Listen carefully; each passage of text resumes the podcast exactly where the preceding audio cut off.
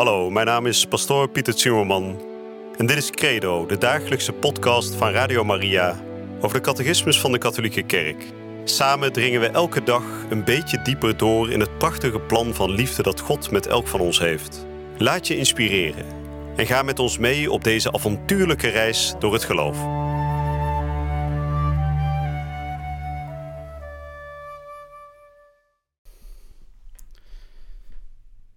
Vrienden, welkom terug bij Credo, de dagelijkse catechese podcast hier bij Radio Maria, waarin we de afgelopen dagen volop aan het spreken zijn over de zonde en de ernstige gevolgen die de zonde in de loop van de mensengeschiedenis heeft gehad en nog steeds heeft.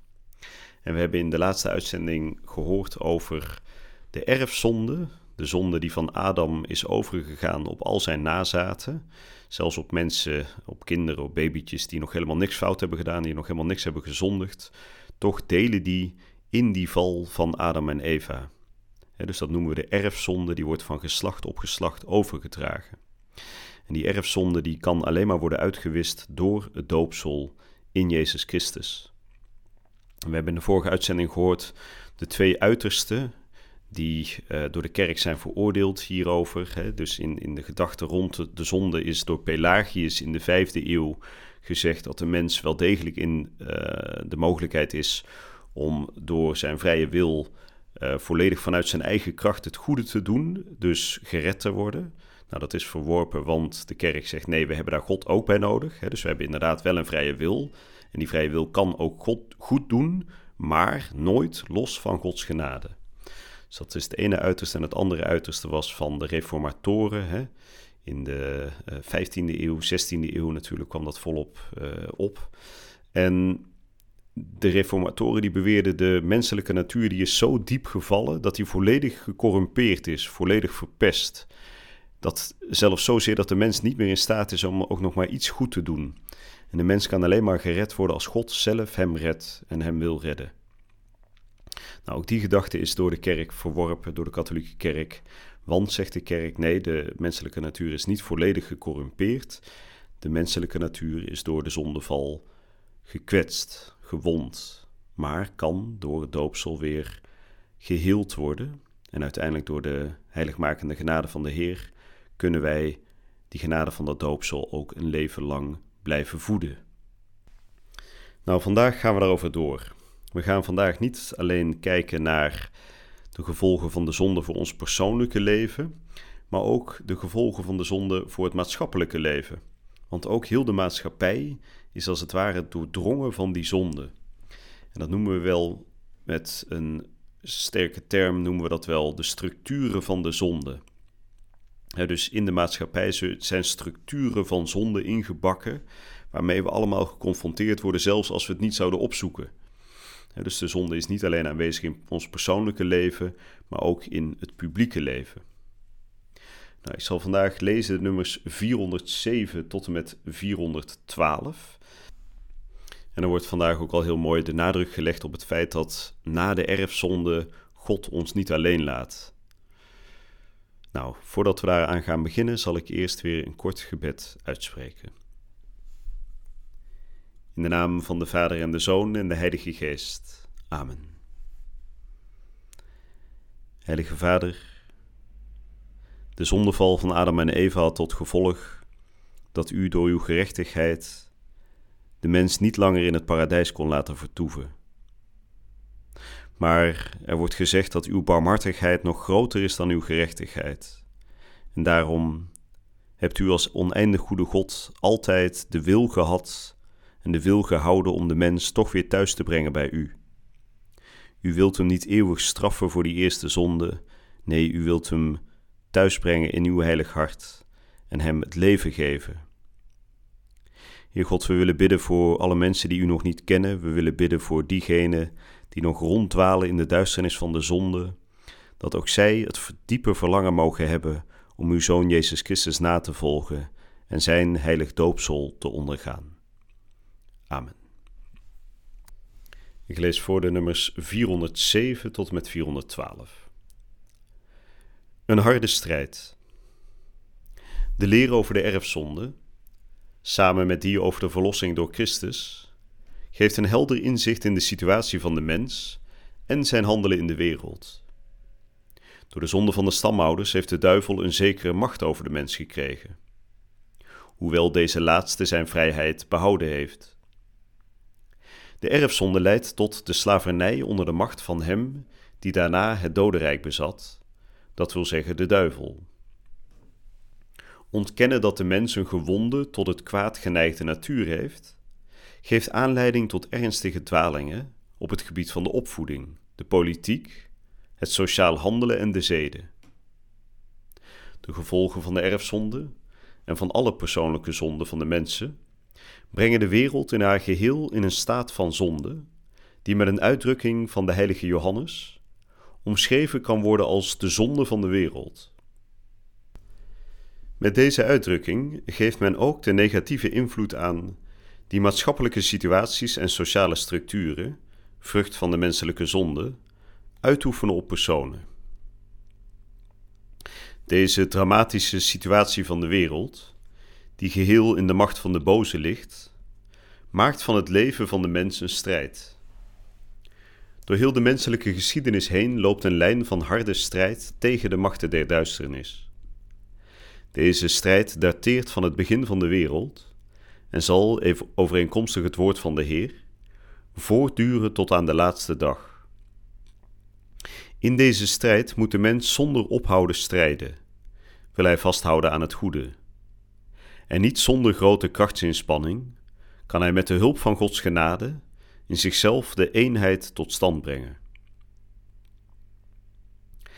Gij hebt hem niet overgeleverd aan de macht van de dood. Na zijn zondeval is de mens niet door God verlaten. Integendeel, God roept hem en kondigt hem op en kondigt hem op mysterieuze wijze aan dat het kwaad overwonnen zal worden en dat hij uit zijn zondeval opgericht zal worden.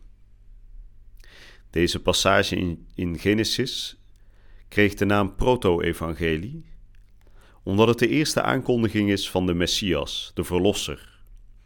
De aankondiging van een strijd tussen de slang en de vrouw en de uiteindelijke overwinning van een afstammeling van haar. De christelijke overlevering ziet in deze passage een aankondiging van de nieuwe Adam, die door zijn gehoorzaamheid tot de dood aan het kruis op overvloedige wijze de ongehoorzaamheid van Adam weer goed maakt. Overigens herkennen talrijke kerkvaders en kerkleraren in de in het proto-evangelie aangekondigde vrouw de moeder van Christus, Maria, als de nieuwe Eva. Zij is het geweest die als eerste en op unieke wijze van de door Christus behaalde overwinning op de zonde geprofiteerd heeft. Zij is gevrijwaard van elke smet van de erfzonde. En gedurende heel haar aardse leven heeft zij door een bijzondere genade van God geen enkele zonde begaan. Maar waarom heeft God de eerste mens niet verhinderd te zondigen?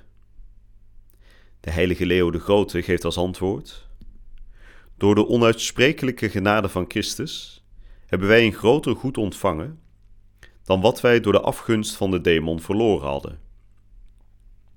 En de heilige Thomas van Aquino zegt: Niets verzet zich er tegen dat de menselijke natuur na de zonde tot een hoger doel bestemd is. God laat immers toe dat er kwaad geschiet om er een groter goed uit te doen ontstaan. Vandaar wordt er in Romeinen 5 gezegd: Waar de zonde heeft gewoekerd, werd de genade mateloos.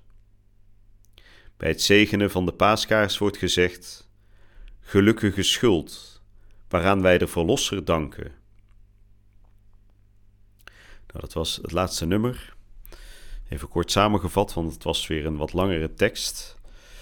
Nou, we hebben net gehoord dat dus de zonde niet alleen maar consequenties heeft voor ons persoonlijke leven en ons persoonlijke handelen, maar dat de zonde ook terug te zien is in de maatschappij. De catechismus die spreekt over maatschappelijke situaties en sociale structuren waarmee we worden geconfronteerd en die maken dat het leven tot de laatste dag een strijd zal zijn, waarbij we ook altijd Gods genade nodig hebben. Maar wordt er dan gesproken, God heeft ons niet overgeleverd aan de macht van de dood. Dus we zijn wel samen met Adam en Eva gevallen als mensheid. Maar God die reikt ons ook de mogelijkheid aan om met de nieuwe Adam en de nieuwe Eva weer op te staan. met de nieuwe Adam en de nieuwe Eva, we hebben het net gehoord, worden dus Christus en Maria bedoeld. En dan wordt er gesproken over het proto-evangelie. Misschien een beetje een ingewikkelde term, maar eigenlijk heel eenvoudig gezegd betekent proto voor. Dus het is eigenlijk een soort vooraankondiging van het evangelie. En met het proto-evangelie wordt het verhaal in Genesis bedoeld, dus het absolute begin van de Bijbel, waarin Adam en Eva te horen krijgen dat door de zondeval ze de paradijstuin uit moeten en dat uiteindelijk uit de nazaten van die eerste vrouw Eva iemand zal opstaan die met haar hak de kop van de slang, dus de slang die Adam en Eva heeft verleid in de paradijstuin, zal bedreigen. En de kerkvaders zagen dus al in, dit, in die eerste aankondiging van dat evangelie ook al een aankondiging van de nieuwe Eva Maria die ooit zou komen om dus de kop van die slang van de Satan uit het paradijs, om die kop te verpletteren. dus de nieuwe Adam en de nieuwe Eva, Jezus en Maria, die al zijn aangekondigd in de eerste pagina, of in ieder geval de eerste pagina's van de Bijbel, in Genesis. En dan wordt nog die ontzettend belangrijke vraag aan het einde gesteld. Een vraag die ik ook vaker als uh, priester in de parochie hoor.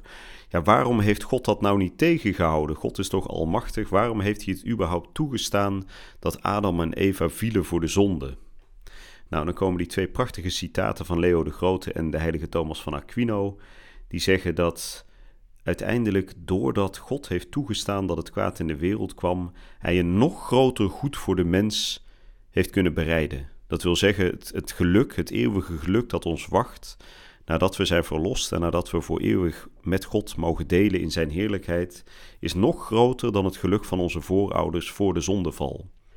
En een heel eenvoudig voorbeeld, wat de lading misschien niet helemaal dekt, maar wat toch een klein beetje een inzicht kan geven in wat de, de, de catechismus hiermee bedoelt, is op het moment dat je gezond bent, dan heb je vaak niet in de gaten hoe groot wat voor een groot goed die gezondheid is. Tot de dag dat je ziek wordt, dat je bijvoorbeeld kanker krijgt en door zware chemokuren heen moet komen om uiteindelijk weer te genezen.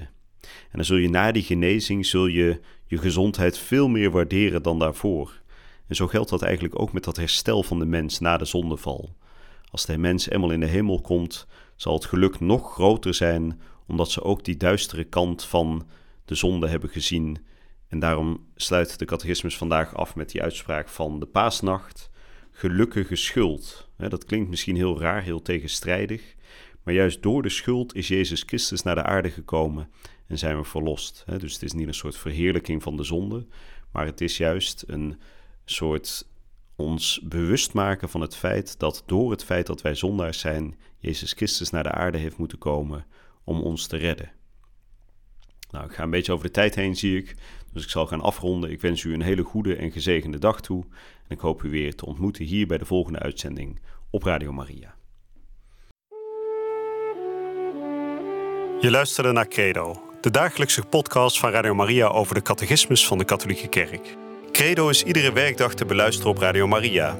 Maar je kunt de afleveringen ook in je eigen tempo terugluisteren op onze website, in de app of op Spotify en de andere platforms. Via de website radiomaria.nl vind je dagelijks de link om de bijbehorende teksten uit de catechismus mee of terug te lezen. We zijn erg dankbaar voor alle giften die wij mogen ontvangen. Daardoor kunnen we ons goede werk blijven doen. Draag je ook bij aan deze missie?